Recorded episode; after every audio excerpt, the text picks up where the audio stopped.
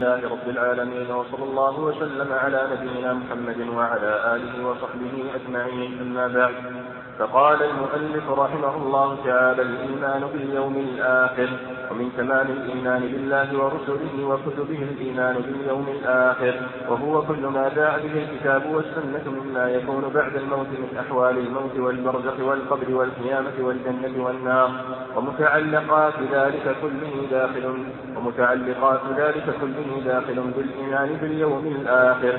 وقد تواترت عن النبي صلى الله عليه وسلم الأحاديث المتنوعة في فتنة القبر وعذابه ونعيمه وأن الميت تعاد إليه روحه في قبره فيسأل عن ربه ودينه ونبيه فيثبت الله الذين آمنوا بالقول الثابت فيقول المؤمن الله ربي ومحمد نبيي والإسلام ديني فيفسح, فيفسح له في قبره وينور له, له في قبره وينور له فيه وينعم فيه إلى يوم القيامة كما وصف ذلك وفصل في السنة وأما الكافر والمنافق فيضله الله عن الصواب بظلمه وكفره فيضيق عليه قبره ولا يزال يعذب إلى أن تقوم الساعة.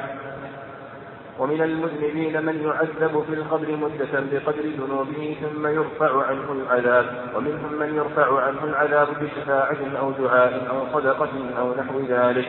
ثم إذا تكامل, تكامل الآدميون وماتوا جميعا أمر تعالى إسرافيل بالنفس في الصور.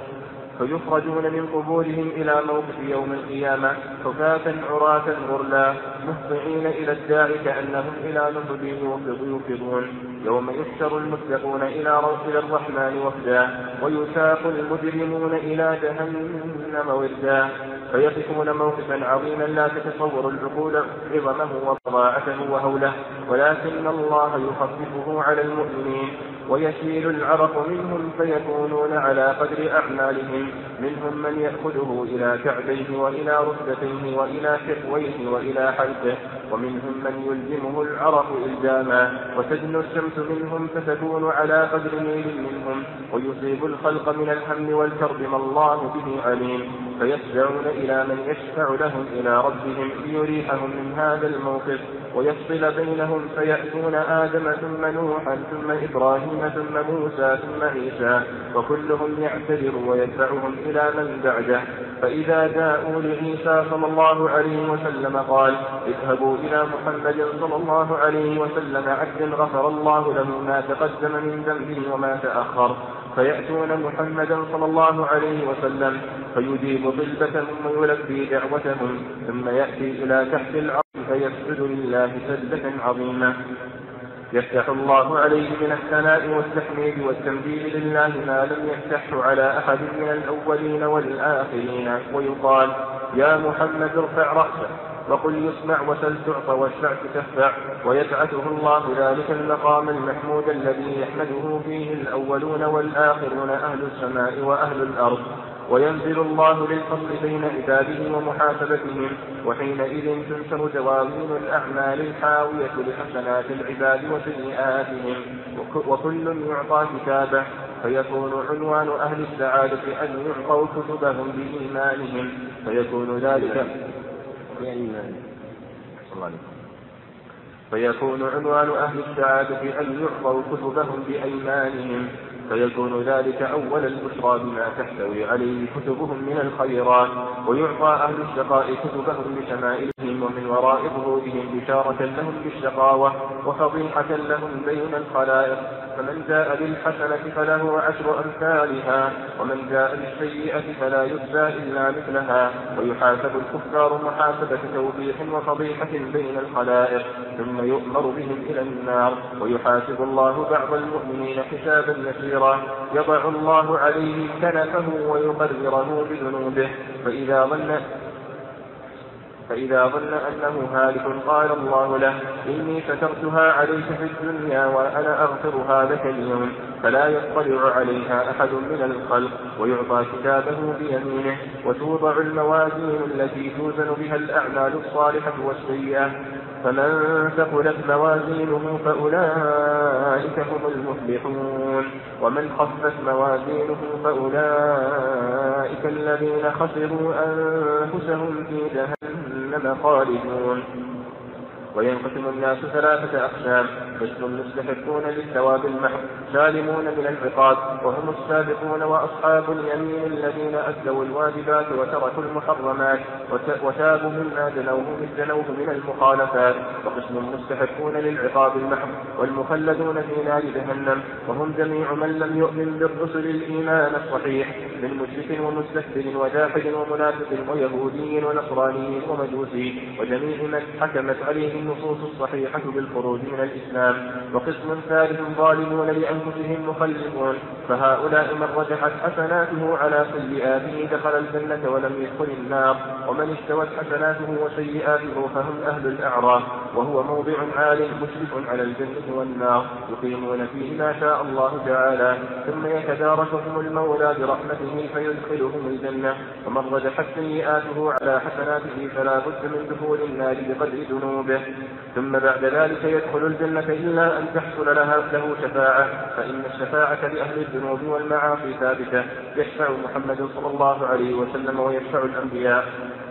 ويشفع خواص المؤمنين في من استحق النار أن لا يدخلها وفي من دخلها وأعماله تقتضي الزيادة على تلك المدة أن يخرج منها. ويخرج الله من النار أقواما برحمته وينصب الصراط على مثل جهنم. فيمر الناس عليه على قدر أعمالهم فمن مر عليه فهو من الناجين ولا يدع الله في النار أحدا في قلبه أدنى أدنى مثقال حبة خردل من إيمان. ويبقى فيها أهلها الذين هم أهلها خالدين أبدا لا يكفر عنهم عذابها. وقد وصف الله تعالى عذاب النار وصفة أهلها بأربع الأوصاف. وإن الله يجمع لهم بين أصناف العقاب يعذبهم بالنار المحرقة التي تطلع على الأفئدة وكلما احترقت جلودهم بدلوا جلودا غيرها ليعاد عليهم العذاب ويذوقوا شدته. وبالجوع المفرط والعطش المفرط فالجوع والعطش من أعظم العذاب والآلام. وما يغاثون به إذا طلبوا الشراب والطعام عذاب أشد وأكبر. فإنهم إذا استغاثوا للشراب أغيثوا بماء كالمهل يشفي الوجوه. فلا يدعهم العطش الشديد حتى يتناولوه. فيقطع منهم الأمعاء ويستغيثون للطعام فيؤتون بالسقوم الذي حرارته أعظم من حرارة الرصاص الرصاص المذاب وهي في غاية المرارة وقبح الريح فيغلي في بطونهم كغلي الحميم ويسلسل المجرمون بسلاسل من نار وتغل أيديهم إلى أعناقهم ويسحبون في الحميم ثم في النار يسجرون ويترددون في عذابهم بين لهب النار وحرارتها التي لا يمكن وصفها وبين برد الزمهرير البارد الذي يكسر العظام من قوة من قوة برده ويجمع لهم بين ألوان العذاب وبين عذاب الحجاب عن ربهم وبين اليأس من رحمته وآخر أمرهم العذاب المؤبد والشقاء السرمدي. وأما الجنة وما أعد الله فيها لأهلها من النعيم وما عليه أهلها من السرور القلبي والروحي والبدني فقد ذكر الله أوصاف الجنة مبسوطا مفصلا في كثير من الآيات وأطلقه معلما شاملا في الآيات في آيات مثل قوله تعالى لهم ما يشاءون فيها ولدينا مزيد. وقوله للذين أحسنوا الحسنى وزيادة. وقوله وفيها ما تشتهيه الأنفس وتلذ الأعين. وقوله فلا تعلم نفس ما أخفي لهم من قرة أعين. وقوله وإذا رأيت ثم رأيت نعيما وملكا كبيرا. وقوله وقال الحمد لله وقالوا الحمد لله الذي صدقنا وعده وأورثنا الأرض نتبوأ من الجنة حيث نشاء فنعم أجر العاملين إلى غير ذلك من الآيات العامة الشاملة لنعيم البدن وسرور الأرواح وأفراح القلوب وشهوات النفوس. مما لا عين رأت ولا أذن سمعت ولا خطر على قلب بشر. ووصف نعيمها مفصلا فتقدم ذكر رؤية الباري الذي هو أعلى نعيم يحصل لأهل الجنة والتمتع بلقائه ورضوانه وسماع كلامه وخطابه. وأخبر تعالى أن جميع أصناف الفواكه الموجودة في الدنيا موجود في الجنة ما يشبهها في الاسم فقط لا في الحسن واللذة وطيب الطعم والتنعم بتناوله وفيها أشياء ليس في ليس ليس لها في الدنيا نظير ولهذا قال فيهما من كل فاكهة زوجان وقوله وفاكهة مما يتخيرون ولحم طير مما يشتهون. وجللت قطوفها أي ثمارها تدليلا كقوله وجنى الجنتين دان يتناوله القائم والقاعد والماشي على أي حال وأن أنهارها تجري من تحتهم أنهار من ماء غير آسن وأنهار من لبن لم يتغير طعمه وأنهار من خمر لذة للشاربين وأنهار من عسل مصفى ولهم فيها من كل الثمرات ووصف فرسهم بأن بطائنها من استبرق وهو أعلى أنواع الحرير. فكيف بالطهائر وأن لباسهم فيها الحرير وحليهم الذهب والفضة واللؤلؤ وأنواع الجواهر الفاخرة وذلك شاملا لذكورهم وإناثهم وأن أزواجهم الحور العين خيرات الأخلاق حسان الأوجه جمع الله لهن بين الحسن الجم والجمال الباطن والظاهر كأنهن الياقوت والمرجان من حسنهن وصفائهن وأنهن عرض متحببات إلى أزواجهن بحسن التباعل ولطف, ولطف, ولطف الآداب وحسن الحركات والألفاظ الرقيقة والحواشي الأنيفة وأنهن أبكار أسراب في غاية سن الشباب وقوته وفي كمال الصفاء بينهن بينهن وعدم التباغض. بل نزع العلم من صدور جميع أهل الجنة إخوانا على سرهم متقابلين وأنهن مطهرات من جميع الآفات مطهرات من الأدناس الحسية والأدناس المعنوية كاملات مكملات وأنهن قاصرات طرفهن على أزواجهن من حسن أزواجهن وعفتهن قاصرات طرف أزواجهن عليهن من جمالهن الفائق الذي لا يدري بعلها بيتها بدلا ولا يقول لو أن هذا الوصف أكمل من هذا لأنه يرى ما يحير لبه ويذهل عقله من الحسن الباهر والبهاء التام. وأنهم في الجنة متعاشرون مع أحبابهم وأصحابهم يتزاورون ويتطارحون الكلام الطيب والأحاديث الشائقة ويتذاكرون نعم الله وآلاءه عليهم سابقا ولاحقا ويسبحون الله بكرة وعشيا وأن الله نزههم من البول والأدناس وكل ما لا تشتهيه النفوس بل طعامهم وشرابهم يخرج عرقا أطيب من المسك الأكثر وأن الله جمع بينهم وبين من صلح من آبائهم وأمهاتهم وأولادهم وزوجاتهم ليتم نعيمهم ويكمل سرورهم. وهذه الآية تجمع كل نعيم تتعلق به الأمان وتطلبه النفوس. وهي قوله تعالى ذواتا أفنان وهي جمع فن لا جمع فنن. أي كل نوع وجنس من النعيم والسرور موجود فيهما حاصل على أكمل الوجود وأتمها. وتمام ذلك الخلود الدائم والنعيم المستمر والأفراح المتواصلة التي تزداد على الدوام. فجميع ما ورد به الكتاب والسنة من أحوال الدارين وتفاصيل ذلك كله داخل في الإيمان باليوم الآخر والإيمان باليوم الآخر على درجتين أحدهما التصديق الجازم الذي لا ريب فيه بوجود ذلك على حقيقته فهذا لا بد فيه من الإيمان. والدرجة الثانية التصديق الراسخ المثمر للعمل فإن من علم ما أعد الله للطائعين من الثواب وما للعاصين من العقاب علما واصلا إلى القلب فلا بد أن يثمر له هذا الإيمان الجد في الأعمال الموصلة إلى الثواب والحذر من الأعمال الموجبة للعقاب. ومن أصول أهل ذكر المصنف رحمه الله تعالى قسما آخر من الأقسام المندرجة في النوع الأول من أنواع علوم القرآن وهو العقائد والتوحيد. وذلكم القسم يتعلق بالإيمان باليوم الآخر. وحد رحمه الله تعالى اليوم الآخرة بقوله كل ما جاء به الكتاب والسنة مما يكون بعد الموت من أحوال الموت والبرزخ إلى آخره. فاسم اليوم الآخر مختص بما يكون بعد الموت. وهذا معنى قول أبي العباس بن تيمية الحفيظ رحمه الله تعالى في العقيدة الواسطية الإيمان بكل ما أخبر به النبي صلى الله عليه وسلم صلى الله عليه وسلم مما يكون بعد الموت. واستحسن المصنف رحمه الله تعالى في التنبيهات اللطيفة هذا الحد وهو لا يختص بما في السنة كما هو ظاهر عبارة أبي العباس بن تيمية الحبيب بل كل ما جاء في الكتاب والسنة مما يندرج في هذه الحقيقة. وقد أحسن المصنف إذ عدل عن ذلك فقال وهو كل ما جاء به الكتاب والسنة مما يكون بعد الموت فاليوم الآخر مما يكون بعد الموت فاليوم الآخر اسم بجميع ما يكون بعد الموت مما جاء نعته في القرآن أو في سنة النبي صلى الله عليه وسلم. واختلف المتكلمون في هذه المسألة عن سبب تسمية ذلك اليوم باليوم الآخر. فإن الله عز وجل لم يذكر مقابله وهو اليوم الأول في شيء من كلامه سبحانه وتعالى.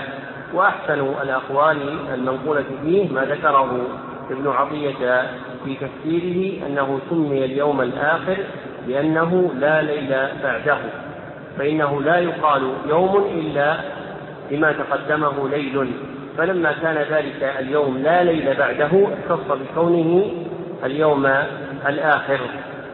ثم ذكر رحمه الله تعالى شيئا من تفاصيل ما يكون بعد الموت فأشار إلى تواتر الأحاديث عن النبي صلى الله عليه وسلم وتكاثرها في فتنة القبر أي سؤال الملكين. العبد من ربك وما دينك وما هذا الرجل الذي بعث فيكم؟ فإن هذه السؤالات هي فتنة القبر. ويترتب على هذه الفتنة العذاب في القبر أو النعيم. فعذاب القبر ما يجري على العبد فيه من عقاب ونعيمه ما يجري عليه فيه من ثواب حسن.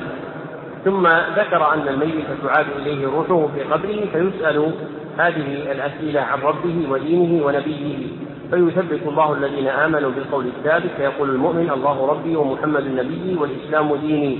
فيفتح له في قبره أي يوسع له في قبره وينور له فيه ويأتيه من أنواع النعيم ما جاء في الكتاب والسنة. وأما الكافر أو المنافق فيضله الله عن الصواب في الجواب بظلمه وكفره. فلا يجيب عما يسأل عنه فيعاقب بتضييق قبره عليه ولا يزال يعذب إلى أن تقوم الساعة. ثم ذكر المصنف رحمه الله أن من المذنبين من يعذب في القبر مدة بقدر ذنوبه ثم يرفع عنه العذاب ومنهم من يرفع عنه العذاب ابتداء بشفاعة أو دعاء أو صدقة أو نحو ذلك. ومقصوده المذنبون من الموحدين. فالمذنبون من الموحدين ربما عذب أحدهم بقدر ذنوبه في قبره ثم انقطع العذاب ونقل إلى النعيم أو رفع عنه العذاب ابتداء بشفاعة أو دعاء أو صدقة أو غير ذلك. ثم ذكر أنه إذا تكامل الآدميون وماتوا جميعا أمر الله تعالى إسرافيل وهو الملك الموكل بالنفخ في الصور فنفخ فيه فأخرج الله عز وجل الخلق من قبورهم إلى موقف يوم القيامة كفاة لا نعال لهم عراة لا ثياب عليهم غرلا أي غير مختونين مهطعين إلى الداعي أي مسرعين إلى الداعي كأنهم إلى نصب يوقظون أي كأنهم يسرعون إلى الأعلام التي عرفوها من الحجارة التي كانت تعظمها العرب. فإن النصب عند العرب اسم للأحجار التي كانت تعظمها العرب. إما في الطواف عليها أو بذبح النسائج والقرب التي تذبح لأصنامهم عندها. ويحصل الله سبحانه وتعالى المتقين إلى الرحمن وفدا ويساق المسلمون إلى جهنم وردا. والوفد اسم لما يعظم والورد اسم لما يذل. فلما كان المتقون أحق بالتعظيم دعي لهم اسم الوفد.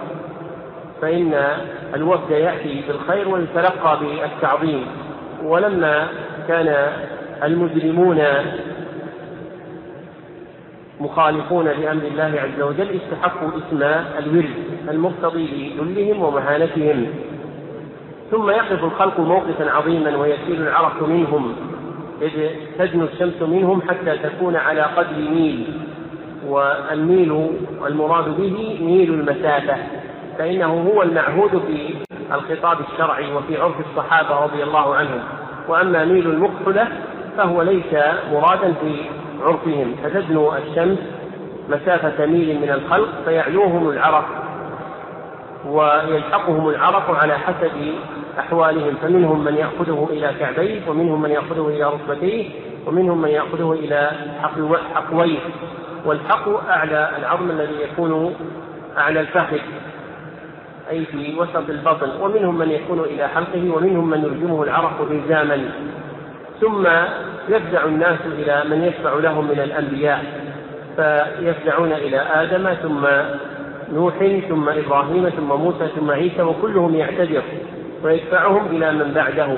حتى ينتهي ذلك إلى النبي صلى الله عليه وسلم. فيقوم صلى الله عليه وسلم مجيبا طلبتهم ملبيا دعوتهم. فيسجد لله سبحانه وتعالى عند عرشه ويفتح الله عز وجل عليه من أنواع المحامد والثناء على ربه عز وجل. ثم يقال له يا محمد ارفع رأسك وقل اسمع وسل تعطى تشفع. فيبعثه الله المقام المحمود وهو مقام الشفاعة الذي يحمده عليه الخلق جميعا. وينزل الله عز وجل للفصل بين العباد ومحاسبتهم وتنشر دواوين الأعمال. أي كتب الأعمال الحاوية للحسنات والسيئات وكل يعطى كتابه. والناس حينئذ نوعان. الأول أهل السعادة من أهل الجنة وهم آخذون كتبهم بأيمانهم. والثاني أهل الشقاوة وهم أهل النار فهؤلاء آخذون كتبهم بشمائلهم. وليس بعد النوعين شيء على الصحيح من أقوال أهل العلم. وعصاة الموحدين يأخذون كتبهم بأيمانهم لأنهم مندرجون في اسم أهل السعادة. ثم بعد ذلك يحاسب الله عز وجل الخلق وتكون محاسبته للكفار محاسبة توبيخ وفضيحة بين الخلائق وليست محاسبة من توزن حسناته وسيئاته في أصح أقوال أهل العلم بل يقررهم الله عز وجل على ذنوبهم ويوبخهم عليها ويفضحهم بها. ثم يؤمر بهم إلى النار لأنه لا حسنات لهم وإنما جوزوا بحسناتهم في الدنيا. ثم يحاسب الله بعض المؤمنين حسابا يسيرا ويستر عليهم ويعفو عنهم عز وجل ويغفر لهم كما ستر عليهم وعفى عنهم في الدنيا. ثم توضع الموازين والموازين تجمع بالنظر إلى تعدد ما يوزن فيها. وأما باعتبار الأمر نفسه فإن الميزان واحد. في أصح أقوال أهل العلم لكن لما تعددت الموزونات من الأعمال فإن ذكرها جاء في مواضع من القرآن على وجه الجمع.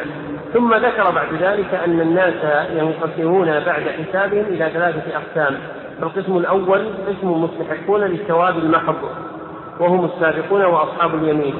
والثاني قسم مستحقون للعذاب المحض والمخلدون في نار جهنم من الكفرة والمشركين. والقسم الثالث ظالمون لأنفسهم مخلصون. وهذا القسم الثالث ثلاثة أقسام أيضا. أحدها من رجحت حسناته على سيئاته فهذا يدخل الجنة. وثانيها من استوت حسناته وسيئاته فهؤلاء هم أهل الأعراف.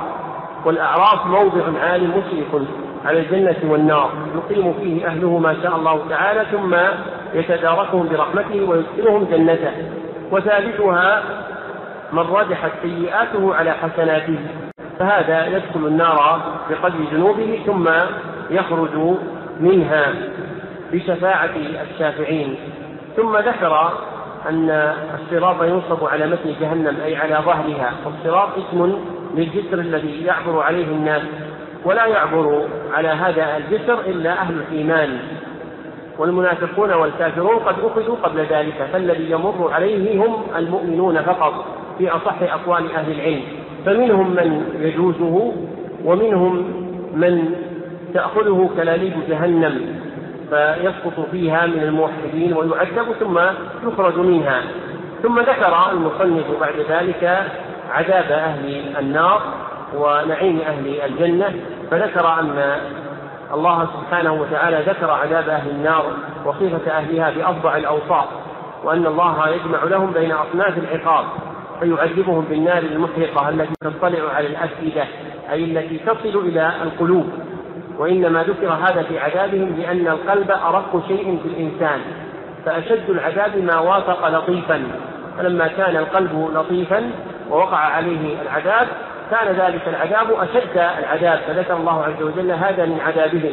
ومن عذابهم كلما احترقت جلودهم بدلهم جلودا غيرها. وعذبهم الله عز وجل بالجوع المفرط والعطش المفرط فهم يجوعون جوعا شديدا ويعطشون عطشا شديدا. وإذا استغاثوا الشراب أغيثوا بماء كالمهل يكفي الوجوه.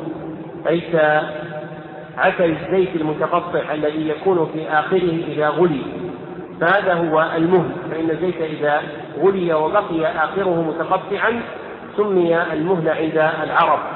وإذا استغاثوا الطعام أتوا بالزقوم الذي حرارته أعظم من حرارة الرصاص المذاب ثم ذكر أنهم يترددون في عذابهم بين لهب النار وحرارتها وبين برد الزمهرير البارد الذي يكسر العظام من قوة برده فهم بين حرارة شديدة أو برد شديد. ثم ذكر ما أعد الله عز وجل لأهل الجنة من النعيم. فذكر أن الله عز وجل بسط أوصاف أهل الجنة وما يكون لهم من النعيم في آيات عدة منها قوله تعالى للذين أحسنوا الحسنى وزيادة. وقوله تعالى وفيها ما تشتهي الأنفس وتلذ الأعين. وقوله تعالى فلا تعلم نفس ما أخفي لهم من قرة أعين.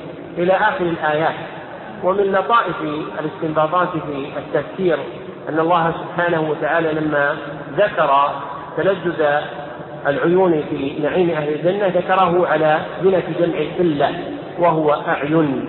وعلة ذلك كما أشار إليه الخليفة المنصور السعدي من ملوك المغرب فيما نقله عنه المقري في زهر الآد أن الذين يدخلون الجنة قليل من كثير فأهل الجنة قليل من الخلق فناسبهم ذكر جمع القلة عند ذكر نعيمهم وهذا من بدائع الاستنباطات. ثم ذكر أن الله سبحانه وتعالى أخبر أن جميع أصناف الفواكه الموجودة في الدنيا موجودة في الجنة. ما يشبهها في الاسم فقط كما صح عن ابن عباس فيما رواه ابن جرير الطبري في تفسيره وغيره بسند صحيح عنه أنه قال ليس في الجنة مما في الدنيا إلا الأسماء. فكل ما ذكر من نعيم الجنة وفاكهتها مما يعرفه الناس في الدنيا لا يوافقه إلا في الاسم. أما الحس واللذة والطعم فإن للجنة ما يختص بها. ثم ذكر أنهار الجنة التي تجري من تحت غرفها وأنها أنواع من ماء ومن لبن ومن خمر ومن عسل مصفى. ثم ذكر أن الله وصف رؤوسهم بأن بطائنها أي دواخلها من استبرق وهو أعلى أنواع الحرير. وإذا كان ذلك وصف البطائن فكيف بالظهائر التي تكون في الظاهر؟ لأن الأصل أن العناية بالظاهر أعظم من العناية بالباطن. فيكون ما في الظاهر أعظم مما في الباطن. وذكر من نعيمهم أن لباسهم فيها الحرير وحليهم الذهب والفضة إلى آخر ما ذكر من نعيمهم. ثم ذكر مما يتنعمون به ما يكتبه الله عز وجل لهم من زوجات أبكار أتراب في غاية سن الشباب وقوته إلى آخر ما ذكر من أوصافهم. وأن أهل الجنة متعاشرون مع أحبابهم وأصحابهم يتزاورون ويتصارحون الكلام الطيب فهم في نعيم تام.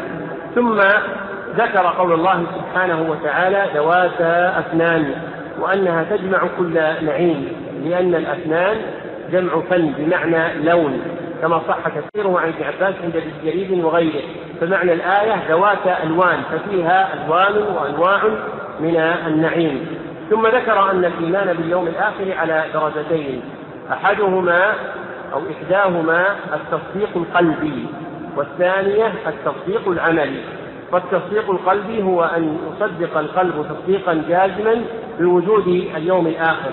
وأما التصديق العملي فهو أن يثمر ذلك التصديق القلبي عملا في الظاهر.